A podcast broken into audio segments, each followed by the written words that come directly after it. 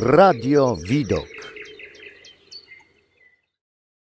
Wspólny mianownik. Różni ludzie, zawody, zainteresowania, pomysły na życie. Ale wszystkich łączy wiara i odnajdywanie żywego Boga w różnorodnym świecie.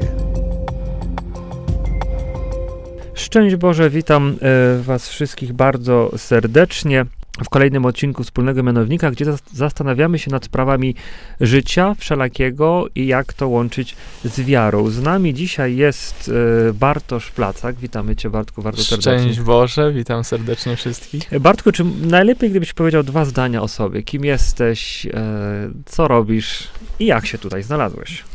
No to tak jak już powiedziałeś, na, nazywam się Bartek, jestem studentem archeologii, a wcześniej skończyłem geologię, no i tak jedno z drugim wiąże, a poza tym jestem katolikiem, cieszę się z mojej wiary i tak e, łączę to właśnie też e, z tym, czego się uczę. I A poza tym wolontariuszem Światowej Dni Młodzieży. Wolontariusz Światowych Dni Młodzieży. Właśnie o, o Dniach Młodzieży chwilę chciałbym z Tobą porozmawiać, e, ponieważ u Ciebie to nie było tylko, nie był tylko Kraków, prawda? Światowe Dni Młodzieży. Jak to, jak to u Ciebie wyglądało? Zgadza się. Przygoda e, zaczęła się w Krakowie w 2016 roku, a e, później, kiedy skończyła się no, ta służba, powiedzmy, z wolontariuszami tam, e, siadłem któregoś razu na ławce na plantach i pomyślałem, a co dalej, Panama? Czemu nie? Więc e, spróbowałem i tak e, udało mi się dostać do Panamy, by tam być wolontariuszem. To jak Ci się udało dostać do Panamy? Były prowadzone zapisy e, przez e, takie przesłania, jakby przez e, Konferencję Episkopatu Polski, tym takie biuro za to odpowiedzialne. No i e, mieliśmy rozmowy, spotkania i wreszcie wytypowano 10 osób e, z całej grupy. Przedstawiono to organizatorom w Panamie, a oni już wybrali dwie osoby, mnie i jeszcze Justynę. I jedziesz, jedziesz do Panamy. Czy to była tr- trudna decyzja dla Ciebie? No bo to był wyjazd na y, rok, Rok czasu. Rok, rok Mhm. czasu, tak. Tak, e, trudna decyzja i, e, i rozmawiałem o tym z różnymi osobami, właśnie e, z tobą także, A, ale, ale ostatecznie się zdecydowałem i, i w ogóle tego nie żałuję. To, to była trudna, ale bardzo ważna decyzja. Jakie były pierwsze wrażenia po przylocie do, do Panamy? Wychodzę z lotniska, w sensie z terminala i nagle uderzenie po prostu gorącego powietrza, wilgotność ponad 90% i takie... I jak wyglądał taki, e, no taka, taka praca wolontariusza, no bo to rok to się wydaje dużo czasu, no a takim, no chyba to nie, tak wydaje się, że to nie jest jakieś takie wielkie przedsięwzięcie, wynajmujesz stadion, drukujesz ulotki i już, e, już masz. No i tu właśnie słowem klucz jest wydaje się, bo e, tak jak Mhm. e, imprezy typu Euro, Mistrzostwa Świata potrzebują organizacji już e, kilka lat wcześniej, tak samo i Światowe Dni Młodzieży, że to nie jest tylko na zasadzie wynajęcia stadionu, ale to jest cała, e, całe przygotowanie logistyczne, e, reklamowe, no ale też jakby cały czas trzeba być w kontakcie ludzi, informować o tym, co się dzieje i zapewnić e, komunikację między organizatorami a całym światem. No i ja właśnie w takim biurze w komitecie organizacyjnym byłem, e, żeby cały czas być w tym, pośredniczyć w tym kontakcie świata z Panamą. To jak wyglądał taki dzień pracy? Od, Nie, no, e, dzień, dzień pracy to e, rano po prostu e, budzę się i jakieś ćwiczenie fizyczne, modlitwa, śniadanko z wolontariuszami, bo mieszkaliśmy razem od pewnego momentu, następnie autobus do biura i, no i w biurze 8 godzin, tak jak standardowy pracownik, ale czasami bywało więcej i nagle do 22, 23 się zostawało, ale z poczuciem służby, nie z poczuciem takiego wiesz, e, jakby wyliczania, a, za dużo i tak dalej, tylko z poczuciem służby, że robimy coś e, naprawdę wielkiego, że, że cieszy nas to, że możemy coś robić dla młodzieży świata. bo to mieszkałeś z wolontariuszami z różnych krajów, tak? Tak, dokładnie. I jak się wam, jak się wam dogadywało? Jak to... E, No językiem e, urzędowym, nazwijmy to, był hiszpański, bo Panama jest hiszpańskojęzyczna. A jak dobrze znałeś hiszpański? E, Bardzo słabo. Na początku to właśnie... Czyli nie szło się dogadać z tobą. nie, na początku się nie szło ze mną dogadać. Rozmawialiśmy po angielsku, a później no, tak zdeterminowałem się i, i zacząłem się uczyć, uczyć i już później komunikacja szła. Już było lepiej. E, ale tak to, mm, no później właśnie ten hiszpański, a poza tym to mm, ciekawe, bo to różne kultury, różne narody, a, ale stworzyliśmy taki nasz, bo to nie ty, język nie tylko w takim sensie języka mówionego, co też właśnie języka zachowań, gestów i tak dalej. Tak naprawdę wiele rzeczy trzeba było sobie na nowo zdefiniować, taką mini kulturę stworzyć. Na przykład? Mm, na przykład y, nie spodziewałem się, że jeżeli wchodzi e, ktoś obcy, jakiś mężczyzna do domu, gdzie mieszkamy, bo został, nie wiem, zaproszony przez kogoś e, innego, to dziewczyny z krajów Ameryki Łacińskiej czują się bardzo zagrożone. E, w sensie, że o. im się to kojarzy, że ktoś zaraz, się od razu takie wyobrażenia idą, że być może zaraz dojdzie do jakiejś próby gwałtu i tak dalej. Są bardzo na to wyczulone ze względu też na no, ich trudną sytuację w tych krajach Ameryki Łacińskiej a inne takie małe gesty to, e, to chociażby powitania i tak dalej, gdzie, e, no wiadomo, przy tak podstawowych słowach o godzinie 6 rano, to ty powiesz po polsku albo w innym języku, miesza ci się to wszystko. I, więc mie, też mieliśmy taki dobór różnych powitań. A co tobie udało się do tej kultury waszej y, wprowadzić jako Polakowi? Trudne pytanie mi teraz zadałeś.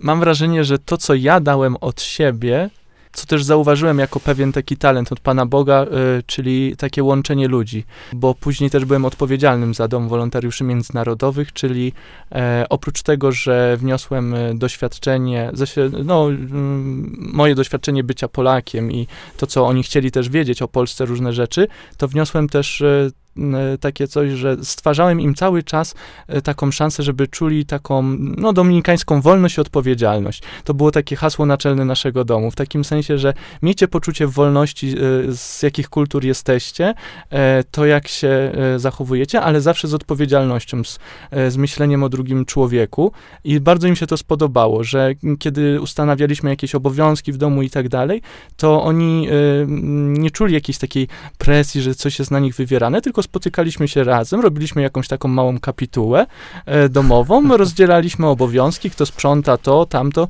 albo coś, jakieś z takich e, rzeczy dodatkowych, jak tam chcieliśmy kolędować e, w takim stylu e, hiszpańskim. No właśnie, i przyjmowaliśmy te odpowiedzialności i później wzajemnie od siebie wymagaliśmy.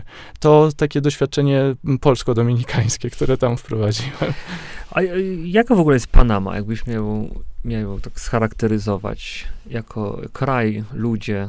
Mały, piękny, prosty kraj, ale w tym wszystkim e, bogaty jednocześnie tą swoją gościnnością, właśnie prostotą, również pokorą. Oczywiście, no, jak wszyscy, ma też swoje e, wymiary e, gorsze, na przykład różnice pomiędzy bogatymi a, biedni, a biednymi, te dzielnice biedy, mhm. to też można zobaczyć.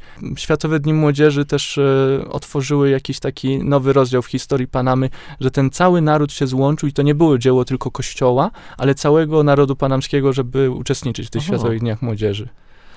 No, mówiąc o Panamie, nie mogę nie zapytać o, o kanał panamski. Jak czy Panamczycy rozmawiają o nim codziennie, czy to jest taki temat dyżurny? No, oni są bardzo dumni z kanału. W ogóle, żeby pracować w administracji kanału, to trzeba być Panamczykiem. E, jest to zapisane w konstytucji. Naprawdę? Tak, naprawdę.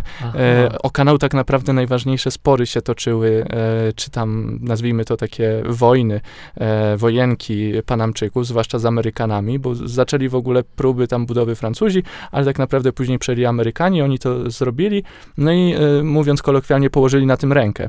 Stworzyli taką strefę mhm. autonomiczną i później o to były walki, no i do dzisiaj w historii Panamy te epizody się bardzo pamięta, a tam od lat 90. on jest już y, no, własnością Panamczyków i to jest po prostu takie oczko w głowie.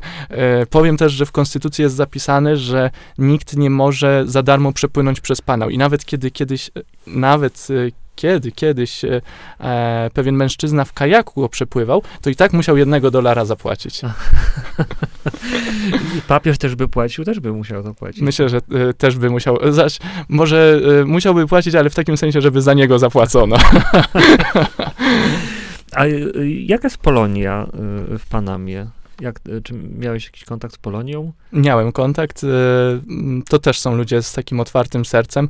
Może to ta temperatura tak otwiera te serca, ale Aha. bardzo fajni ludzie. Jest kilka pokoleń tak naprawdę. Są, jest pokolenie z lat 70., kiedy to kilku Panamczyków poleciało do Krakowa na studia na AGH i przywiozło sobie stamtąd pamiątki, czyli żony. I to jest tak, tak to nazwał jeden z nich w rozmowie ze mną.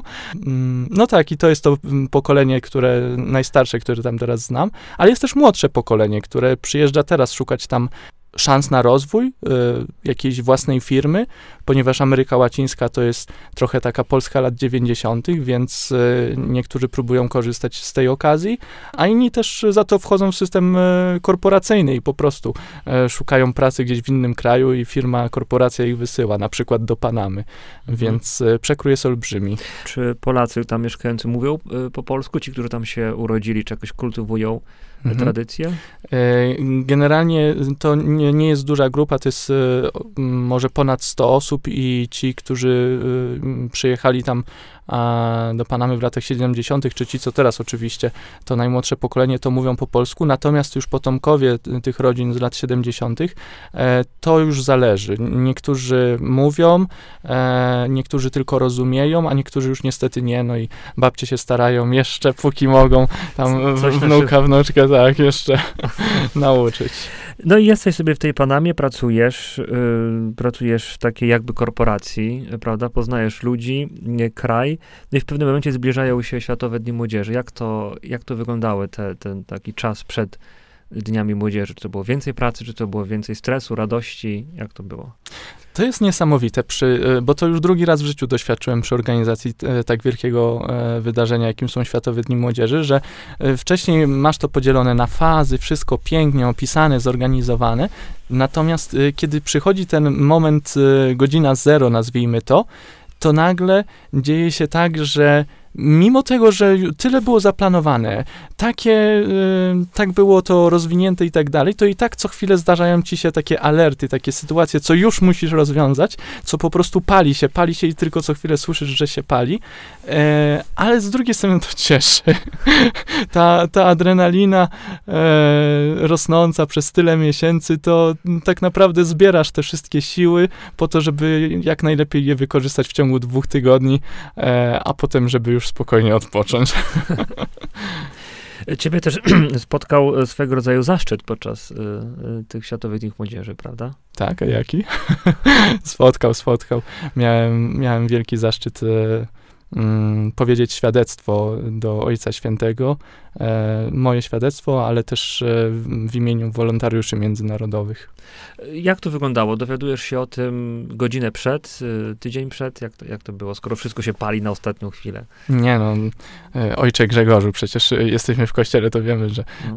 organizacja to jest na kilka miesięcy przed, ale E, tak, dowiedziałem się tak 2-3 e, miesiące wcześniej, e, natomiast musiałem bardzo szybko przygotować e, to świadectwo, e, żeby była pewność, że ono po prostu jest. I e, następnie no już zbliża się ten moment, kiedy, kiedy mam je przeczytać i wiadomo, stres i tak dalej, upał jak zwykle ponad 30 stopni, niby człowiek przyzwyczajony, ale to przeżywa, ale tak pomodliłem się, popatrzyłem na tych ludzi, którzy przybywają na ten stadion, gdzie miało być spotkanie z wolontariuszami i sobie myślę, nie no, spokojnie, no przecież ja o tym wiedziałem, więc e, co tutaj mhm.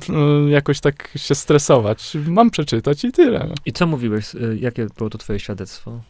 E, nawiązałem do mm, właśnie do gościnności panamskiej, dziękując e, w imieniu wolontariuszy za to, ale też nawiązałem do takiej radości tej wspólnoty wolontariuszy, która nam się stworzyła, że mm, tak mocno to przypominało taką wspólnotę pierwszych chrześcijan, e, gdzie ludzie niejednokrotnie zostawiali swoje rodziny, przyjaciół, po to, żeby wyjechać gdzieś z misją. I, i te słowa były takie dla mnie mocne, ale też przyznałem się w tym świadectwie, że mm, Panama była dla mnie takim zwierciadłem, gdzie zobaczyłem e, moje talenty, ale też moje słabości, nad którymi mogę pracować. I do, tych, do tego później szczególnie też odniósł się Ojciec Święty, komentując. Twoje, e, komentując twój... E, świadectwo, świadectwo. tak, tak, tak, tak. Czyli rzeczywiście człowiek, który e, pouczył papieża. A jak wyglądało twoje takie bezpośrednie spotkanie e, z papieżem? Jak to... Jaki jest, ja- jaki jest papież z bliska? E, Papież, e, e, ja sądzę, że on był już bardzo zmęczony po tych kilku dniach, ale naprawdę trzymał się dobrze i, i uśmiechnięty. Podziękował. Przede wszystkim pierwsze co to, to było podziękowanie, kiedy podszedłem do niego i, i ja mu dałem taką bransoletkę z napisem, że jestem wolontariuszem, bo wcześniej mi mówili o tym, że czasami się listy daje, czasami coś tam, ja nie wiedziałem co. Dałem tą moją bransoletkę i mówię, to jest dla Ojca Świętego, bo, bo Ojciec Święty jest e, pierwszym e, wolontariuszem z nas wszystkich.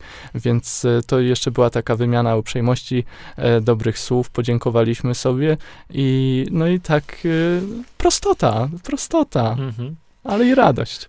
Dni młodzieży powoli się kończą, e, wszyscy się rozjeżdżają. Czy dużo sprzątania e, po jest takiego też od strony organizacji? Mhm. E, No, to powiem szczerze, że y, dla mnie tak y, rzeczywiście, żeby się zamknęły, to trzy dni później się zamknęły Światowe Dni Młodzieży, był na przykład właśnie przez trzy dni musiałem jeszcze odpowiadać za taką halę, gdzie na początku 3000 ludzi spało i czekało na swoje loty, więc po tych trzech dniach dopiero był powrót do biura i załatwianie już jakichś takich e, drobnych rzeczy. Mm, Zamknięcie mm, takie podstawowe to była połowa lutego, czyli e, nie, nawet koniec lutego, czyli miesiąc po, a takie całkowite y, finansowe to dopiero po kilku miesiącach, więc to tak wygląda, jeśli Mhm. chodzi o organizację. To rzeczywiście bardzo, bardzo długi e, proces taki od rozpoczęcia do, Tak. do, do, do zakończenia. I co z tego ci tak najbardziej zostało?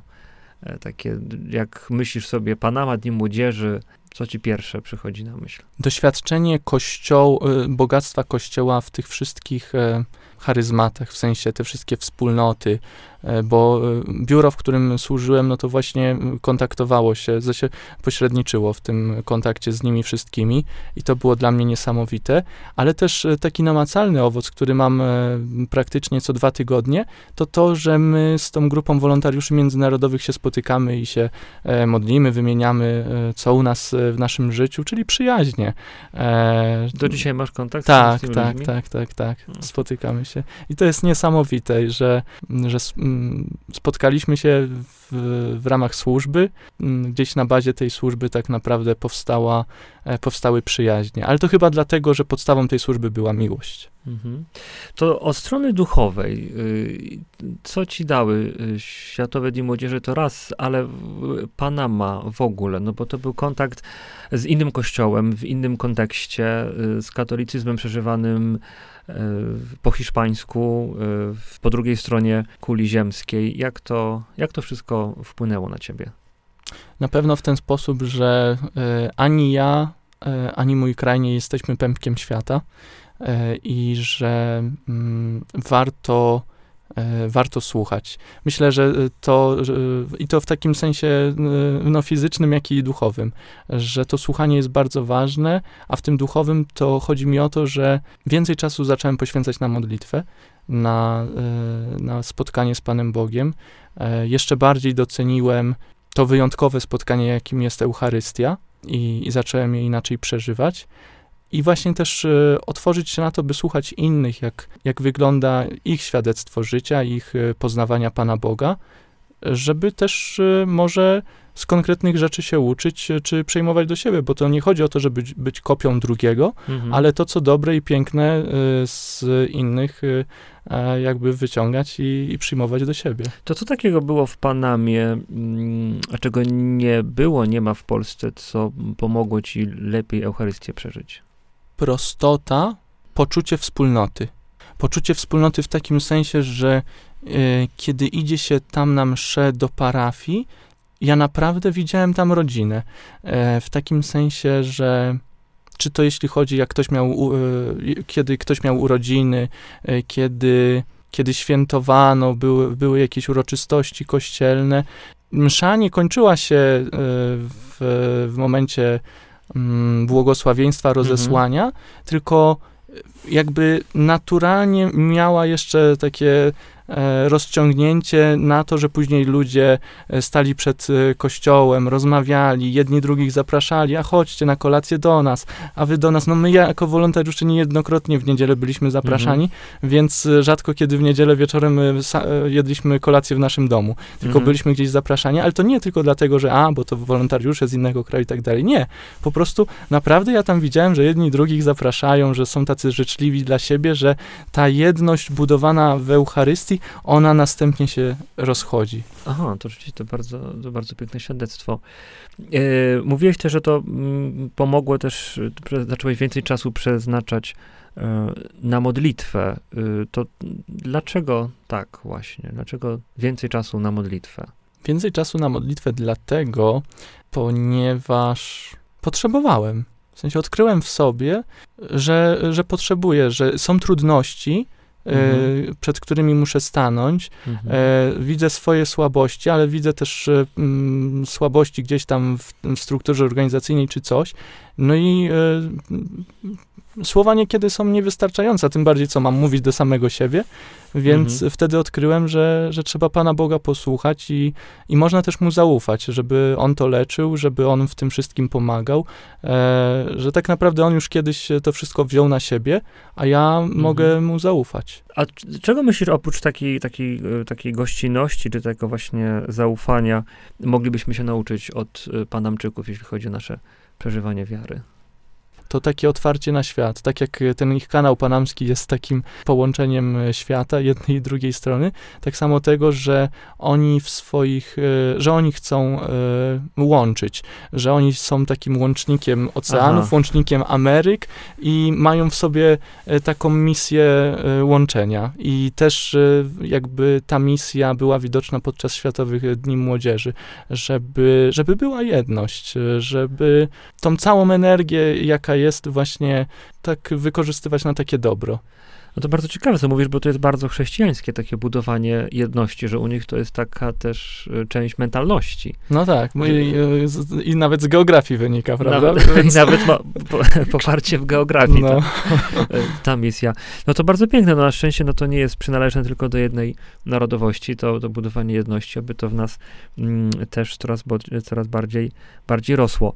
E, czyli generalnie polecałbyś sia- pracę przy Światowych Dniach Młodzieży, gdyby ktoś z naszych słuchaczy zastanawiał się, czy, czy angażować się w tego typu? Zdecydowanie warto śledzić e, stronę e, Lisbona 2023 i e, o, można bez problemu wygooglować i tam na pewno będą informacje od e, Krajowego Biura Organizacji naszego polskiego, e, kiedy będą zapisy na wolontariat. Mhm. Mm, No a oprócz tego e, Lisboa2023.org to jest ta strona samych organizatorów, więc no ale przede wszystkim pojechać. Nieważne czy jako pielgrzym, czy jako wolontariusz, to się, no ma to znaczenie oczywiście, ale to tak jak w kościele, no jest się już w kościele, to już jest sama radość, a to czy jest się kapłanem, czy się tworzy rodzinę, ale to wszystko już jesteś zakotwiczony w, Tak, tak. w tej skale. I tak samo jeśli chodzi o Światowe Dni Młodzieży. Pojedź, zobacz. No, raz będziesz pielgrzymem, innym razem wolontariuszem. Zresztą zawsze będziesz pielgrzymem tak naprawdę, tylko z konkretnymi obowiązkami. Albo Naprawdę, gdybym się zastanawiał, czy jechać, czy nie, to po posłuchaniu ciebie wiedziałbym od razu. Ale y, Panama już była, Lizbona będzie, a co tobie zostało teraz, tak na 2021, kiedy y, sobie studiujesz, podróżujesz trochę. Co ci z Panamy zostało z tego doświadczenia Dni Młodzieży? Mhm. No to oprócz e, tego, co wspominałem, czyli to e, słuchanie Pana Boga, e, ale też relacji, więzi, przyjaciele, znajomi, e, decyzje, w takim sensie, że też zrozumienie, na przykład e, będąc przed papieżem, że m, pewnych e, decyzji nawet e, Piotr mi w nich nie podpowie, tylko sam muszę je podjąć. O, bardzo, E, że papież nie, nie ma wszystkich odpowiedzi. nie ma wszystkich odpowiedzi, że tak naprawdę nieustannie, codziennie nasze nawracanie ma też polegać na tym, żeby brać życie w, w swoje ręce z takim zaufaniem Panu Bogu, żeby z Mhm. odwagą podejmować pewne decyzje, ale ta odwaga to nie ma być jakaś brawura, tylko tylko to ma być właśnie e, zaufanie temu, że Pan Bóg cały czas jest z nami, że nam mhm. pomaga. I czy taką decyzją było e, studiowanie archeologii? Zdecydowanie, zdecydowanie, bo to było odejście tak naprawdę od poprzednich studiów. A, Czyli? Od geologii. W sensie zakończyłem tamte, ale no jeszcze magisterka i nagle zdecydowałem się, że, że już kiedyś o tym myślałem właśnie, że te takie pozostałości, ruiny i tak dalej, to, to, to fajne jest nam. Chętnie bym tam się tam coś pokopał, no i w ten sposób, e, jak za kilka miesięcy będę magistrem archeologii, to już będę, jak ja się to śmieję, pełną, e, w pełni wykwalifikowanym kopaczem i geologiem, i archeologiem, więc, ale lubię to łączyć bardzo, więc to jest też... A co, co ci daje to, to łączenie, taką stronę też y, modlitwy, wiary, no bo to jest takie zajmowanie się czymś, czego nie widać pod ziemią, albo czymś takim y, dawnym, odległym, trochę niepraktycznym, bo ruiny można podziwiać, no ale to, poza tym to niewiele. Jak to prze, prze, przenosisz na takie życie codzienne, życie wiarą? Modlitwę? Mi, mhm.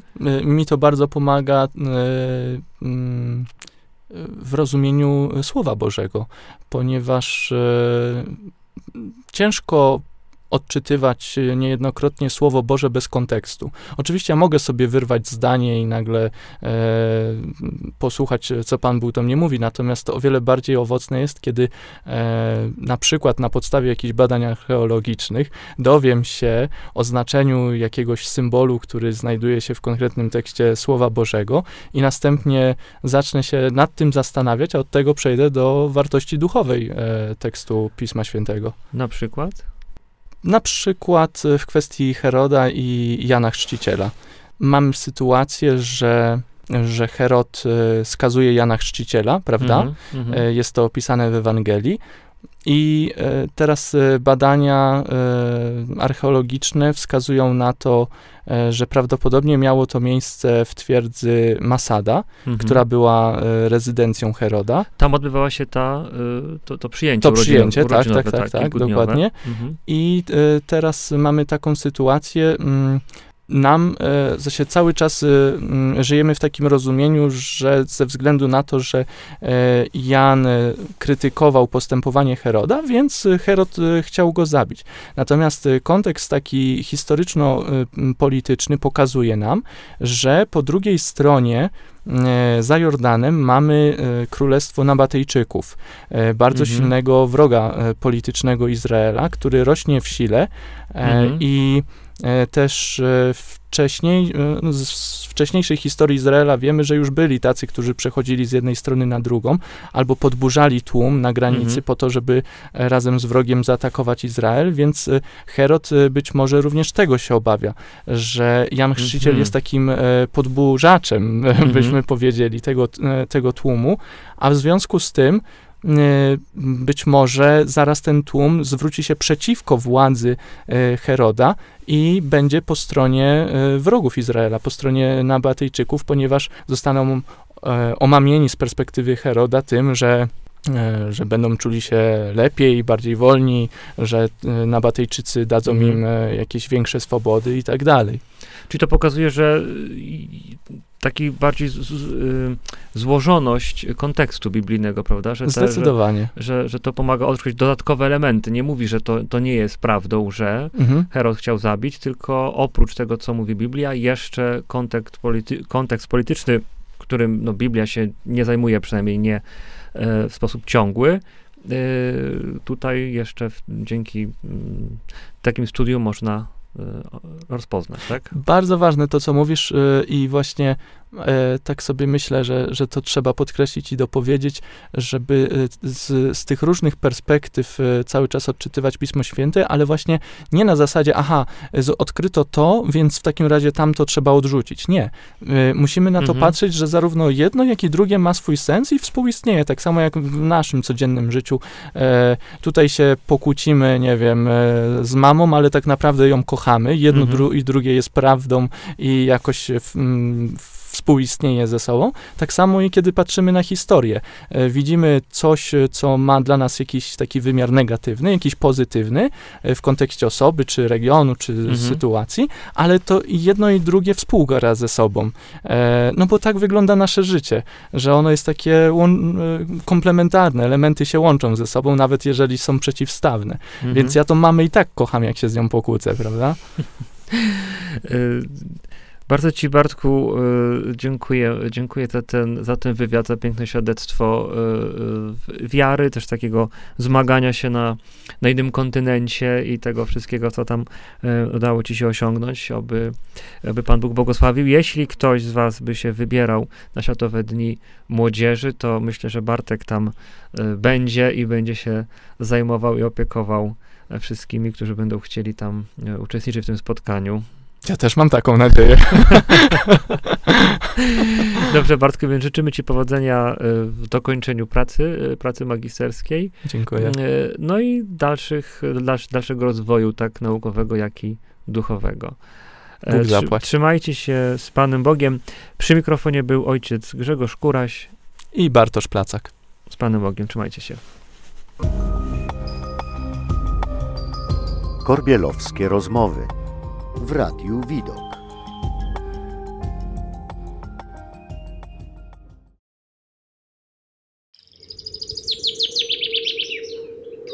Radio Widok.